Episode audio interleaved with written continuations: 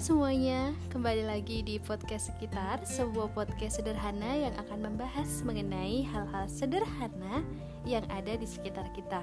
Nah teman-teman, untuk kesempatan kali ini saya akan coba membahas mengenai tips membangun relasi dari zaman kuliah.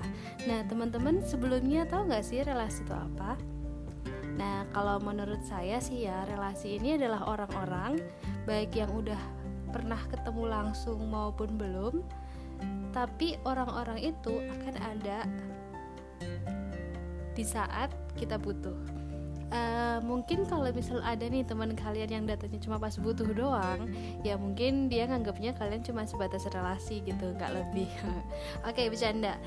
Nah sebenarnya relasi ini bisa dari orang yang lebih tua, bisa orang yang seumuran, tapi Gak menutup kemungkinan juga orang-orang yang lebih muda.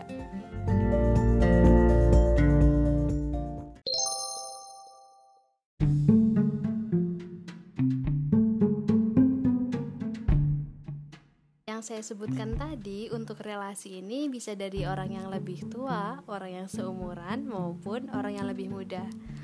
Loh, kok bisa orang yang lebih muda kita jadikan relasi? Ya ini karena biasanya sih mindset orang-orang mikir kalau relasi ini cuman diisi oleh orang-orang yang lebih matang daripada kita. Padahal banyak loh orang-orang yang lebih muda dari kita tapi justru lebih matang daripada kita.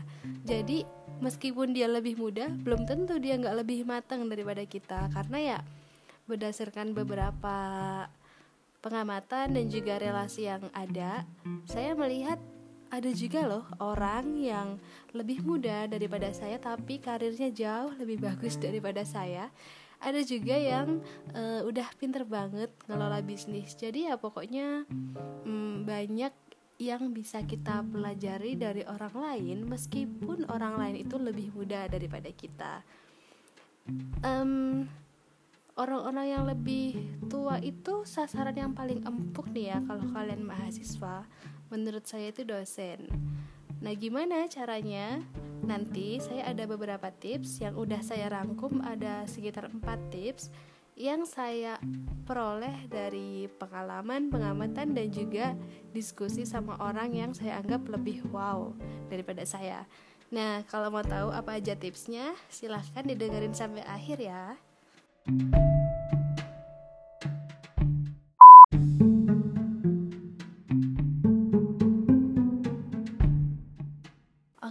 langsung aja ke tips yang pertama nih ya. Jadilah mahasiswa yang aktif baik secara akademik maupun non akademik. Oke, karena kan e, tadi relasi orang yang lebih tua tuh bisa juga dari dosen-dosen kita nih ya.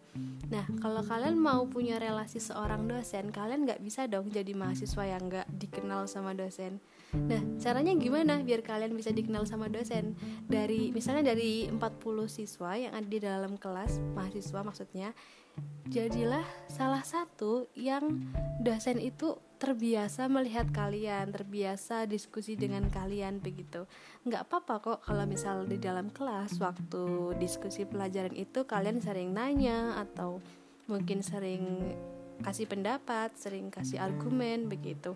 Nggak usah takut dikatain wah caper kamu caper. Iya emang caper, nggak apa-apa dong caper sama dosen. Maksud saya kalau dosen aja nggak nggak bisa kenal kalian secara personal, maksudnya bukan personal ya, apa ya namanya? kalau dosen aja nggak bisa mengetahui keberadaan kalian di kelas itu jadi mahasiswa yang biasa-biasa aja itu bakal sulit banget buat dosen itu bakal uh, gimana ya seolah-olah berkomunikasi dengan kalian secara intens di luar kelas kan kalau kita punya relasi seorang dosen kita diperlukan kadang diperlukan oleh beliau-beliau ini di luar kelas. Um, itu salah satu caranya ya. Kalau yang mungkin kurang pede di dalam kelas itu bisa juga jadilah mahasiswa yang aktif secara non akademik misalnya. Kalau kalian jadi ketua BEM, jadi ketua hima begitu. Atau jadi mahasiswa yang punya prestasi juara-juara at least nama kalian itu pernah didengar oleh dosen-dosen nggak cuma pas ngabsen di dalam kelas aja ya dengarnya um, tapi kadang walaupun kalian udah berprestasi jadi ketua bem dan sebagainya kalau kalian sendiri nggak nggak aktif secara gimana ya secara personal mungkin ya kalau kalian nggak mau diskusi konsultasi dengan dosen itu Nah, nggak mungkin dong dosen itu bakal nyariin kalian duluan. Ya, mungkin ada beberapa kemungkinan. Tapi biasanya kalian juga harus aktif, biar dosennya nggak ngerasa seolah-olah dia dicuekin gitu. Hmm, lalu gini, e, misal kalian di dalam kelas itu kan nggak cuman belajar ya sebenarnya. Sebenarnya nggak cuman belajar. Kalian datang ke dalam kelas dunia perkuliahan ini beda dengan dunia SMA ya teman-teman. Kalau kalian masuk ke dalam kelas itu selain kalian memahami pelajaran, kalian juga bisa loh berusaha memahami dosen. Eh cie, nggak gitu maksudnya. Susah juga jelasinnya ya. Hmm, memahami dosen barangkali kalian bisa melihat karakteristik dari dosen itu dan cocok sama minat kalian. Misal kalian suka penelitian, bisa juga tuh jangan-jangan e, nanti ya dosen itu bakal butuh partner meneliti, butuh sumber data dari mahasiswa. Kalau kalian jadi mahasiswa yang dikenal oleh beliau, bisa aja nanti kalian diajakin collab begitu. Atau misal kalian suka event, biasanya ada dosen-dosen yang aktif di himpunan-himpunan begitulah di dalam kampus. Nah, dan biasanya itu uh, ada event-event tahunan. Biasanya kalau event tahunan itu dosen bakal rekrut beberapa mahasiswa yang beliau kenal untuk bantuin jadi panitia. Nah kan nggak mungkin beliau randomly ngajak mahasiswa tuh nggak mungkin. Pasti mahasiswa yang udah dikenal baik oleh beliau-beliau ini. Dan ini bakal sangat bermanfaat buat kalian Kalau misal kalian nanti lulus masih menjalin komunikasi yang baik dengan dosen itu misal dosen lihat kalian fresh graduate cari kerja kok susah gitu bisa loh kalian ditawarin diajak kerja sama begitu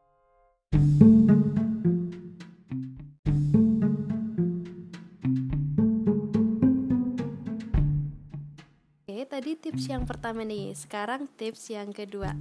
Nah, gini, kan ini tips untuk mahasiswa nih. Mahasiswa kan pasti tahu dong kalau di kampus ini banyak banget kegiatan-kegiatan di luar kelas yang bisa kalian ikuti. Um, tips dari saya adalah kalau kalian ikut event-event atau kegiatan yang ada di kampus, jangan cuma dateng dengerin terus pulang.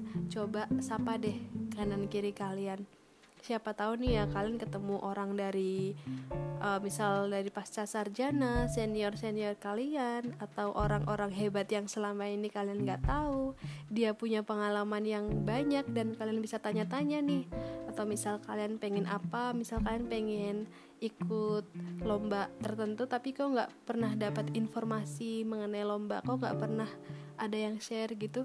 Nah siapa tahu orang-orang itu orang-orang hebat yang udah pernah juara di mana-mana jadi bisa share ke kalian sekalian dengan tips gimana biar menang gitu misalnya. Um, kalau menurut saya nih ya cobalah kalau di event-event tertentu kalian pasti akan dipertemukan dengan orang-orang yang satu minat dengan kalian. Buktinya, kalian datang ke acara itu dengan tema itu pasti sebenarnya kalian punya minat yang sama nih dalam hal itu. Coba ngobrol-ngobrol, diskusi, siapa tahu obrolan kalian nyambung. Habis itu, kalian bisa loh coba minta kontak atau share sosial media untuk komunikasi. Tapi bukan buat modus juga, nggak chattingan tiap hari juga. gitu ya. Kadang kan dikiranya takut modus. Enggak kok, tergantung tujuan kalian buat apa. Misal kalian kontaknya pas ada kepentingan aja, jangan chat tiap hari dengan lagi ngapain udah makan belum? Ya itu siap-siap aja diblokir mungkin ya. Lalu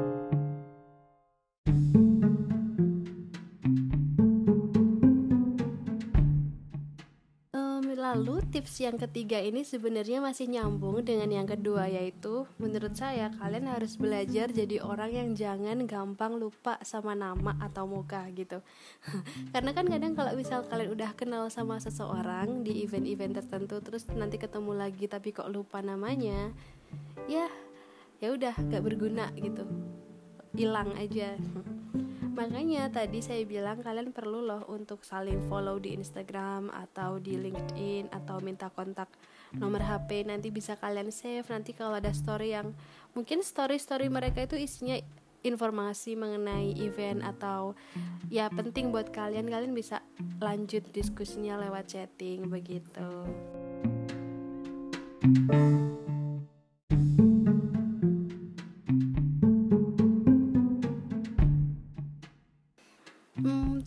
tips yang ketiga lumayan singkat ya. Dan masih ada kaitannya sebenarnya dengan tips yang keempat yaitu kan tadi kalian saya bilang jangan uh, gampang lupa sama nama atau muka nih.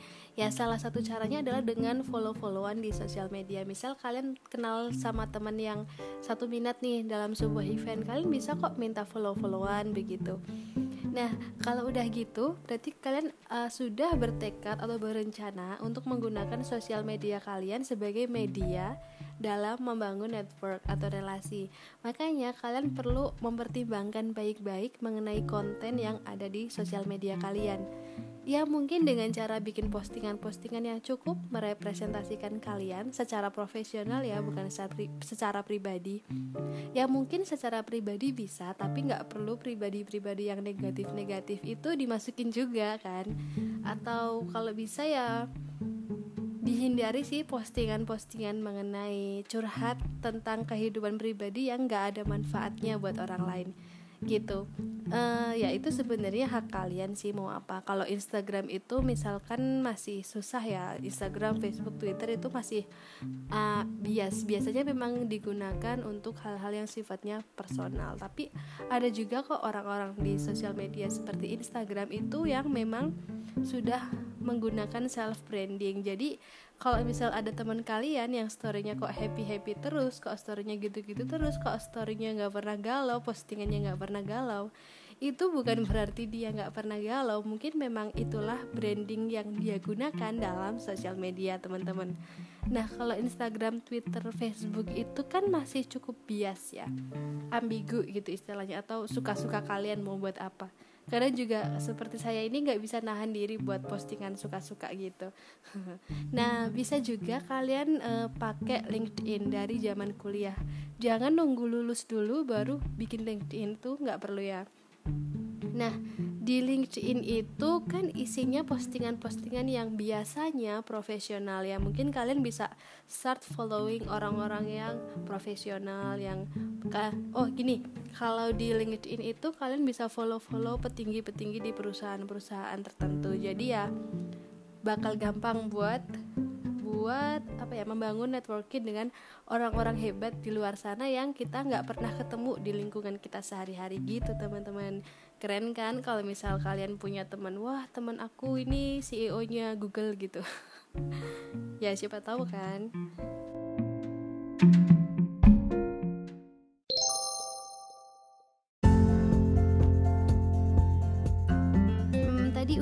ya 4 tips yang cukup simple yang dari saya. Tapi pokoknya itu tips bukan hal yang sifatnya mutlak. Kalau kalian punya versi yang lebih baik menurut kalian itu gak masalah. Pokoknya di kalau mau share tuh juga gak apa-apa share ke saya. It's okay kita bisa diskusi kok. Oh ya kesimpulannya tadi cara memperoleh networking itu sebenarnya bisa lewat dunia nyata bisa juga lewat sosial media. Dan jangan heran kalau misal kalian uh, punya temen yang net network atau relasinya orang-orang di sosial media yang mereka nggak pernah ketemu. Jangan dikira sok kenal gitu nggak. Karena biasanya saya sendiri aja ada orang-orang di Instagram itu yang bener-bener saya nggak pernah ketemu sebelumnya tapi kita itu ada di dalam sebuah organisasi yang sama misal organisasi internasional dan dari beberapa wilayah gitu ya pesertanya. Nah kita sering kok diskusi ngobrol-ngobrol gitu lewat DM misal juga kita saling follow-followan terus obrolan kita kebetulan nyambung nah kita bisa diskusi lewat situ. Nah siapa tahu nih simpelnya ya misal kalian punya temen orang Makassar tapi kalian belum pernah ketemu terus kebetulan kalian ada interview kerja di Makassar nah kalian bisa loh tanya-tanya atau misal numpang nginep gitu nggak sih? Tapi jangan deh. Itu ke teman kalian. Ya itu simpelnya seperti itu. Atau misal kalian pengen kerja di perusahaan X tapi kalian kok bingung harus mulai dari mana nah kalian bisa juga mulai punya relasi dari sana atau siapa tahu udah punya relasi dari sana kalian bisa coba belajar-belajar dari hal-hal yang sederhana dari cerita-cerita relasi kalian itu.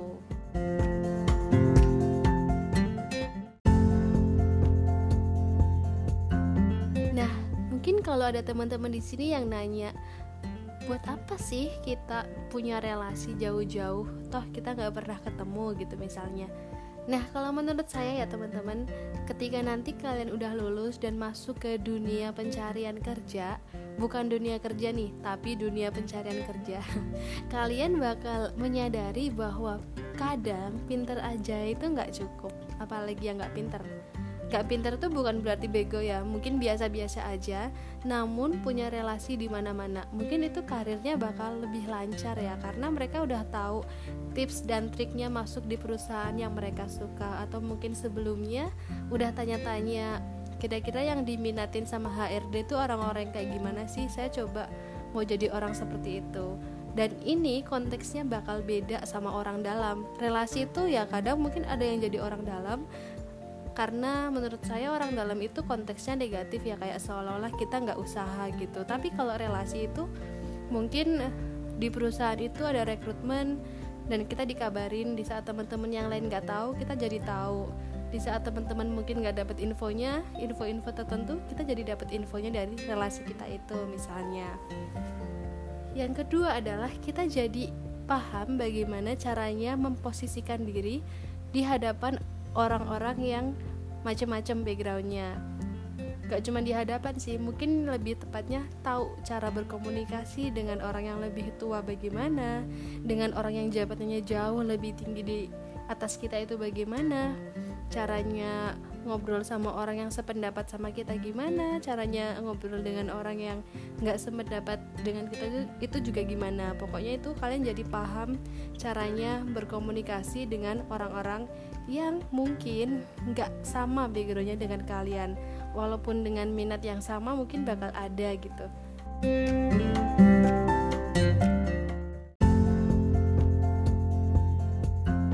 Cukup sekian dari saya ya. Semoga bermanfaat tips-tips yang sudah saya sebutkan tadi. Pokoknya jangan pernah berhenti belajar dari siapa pun Entah yang lebih tua atau yang lebih muda. Dan tetap semangat yang masih menjadi mahasiswa manfaatkan waktu kalian sebaik-baiknya. Sekian, terima kasih sudah mendengarkan sekitar kita. Goodbye.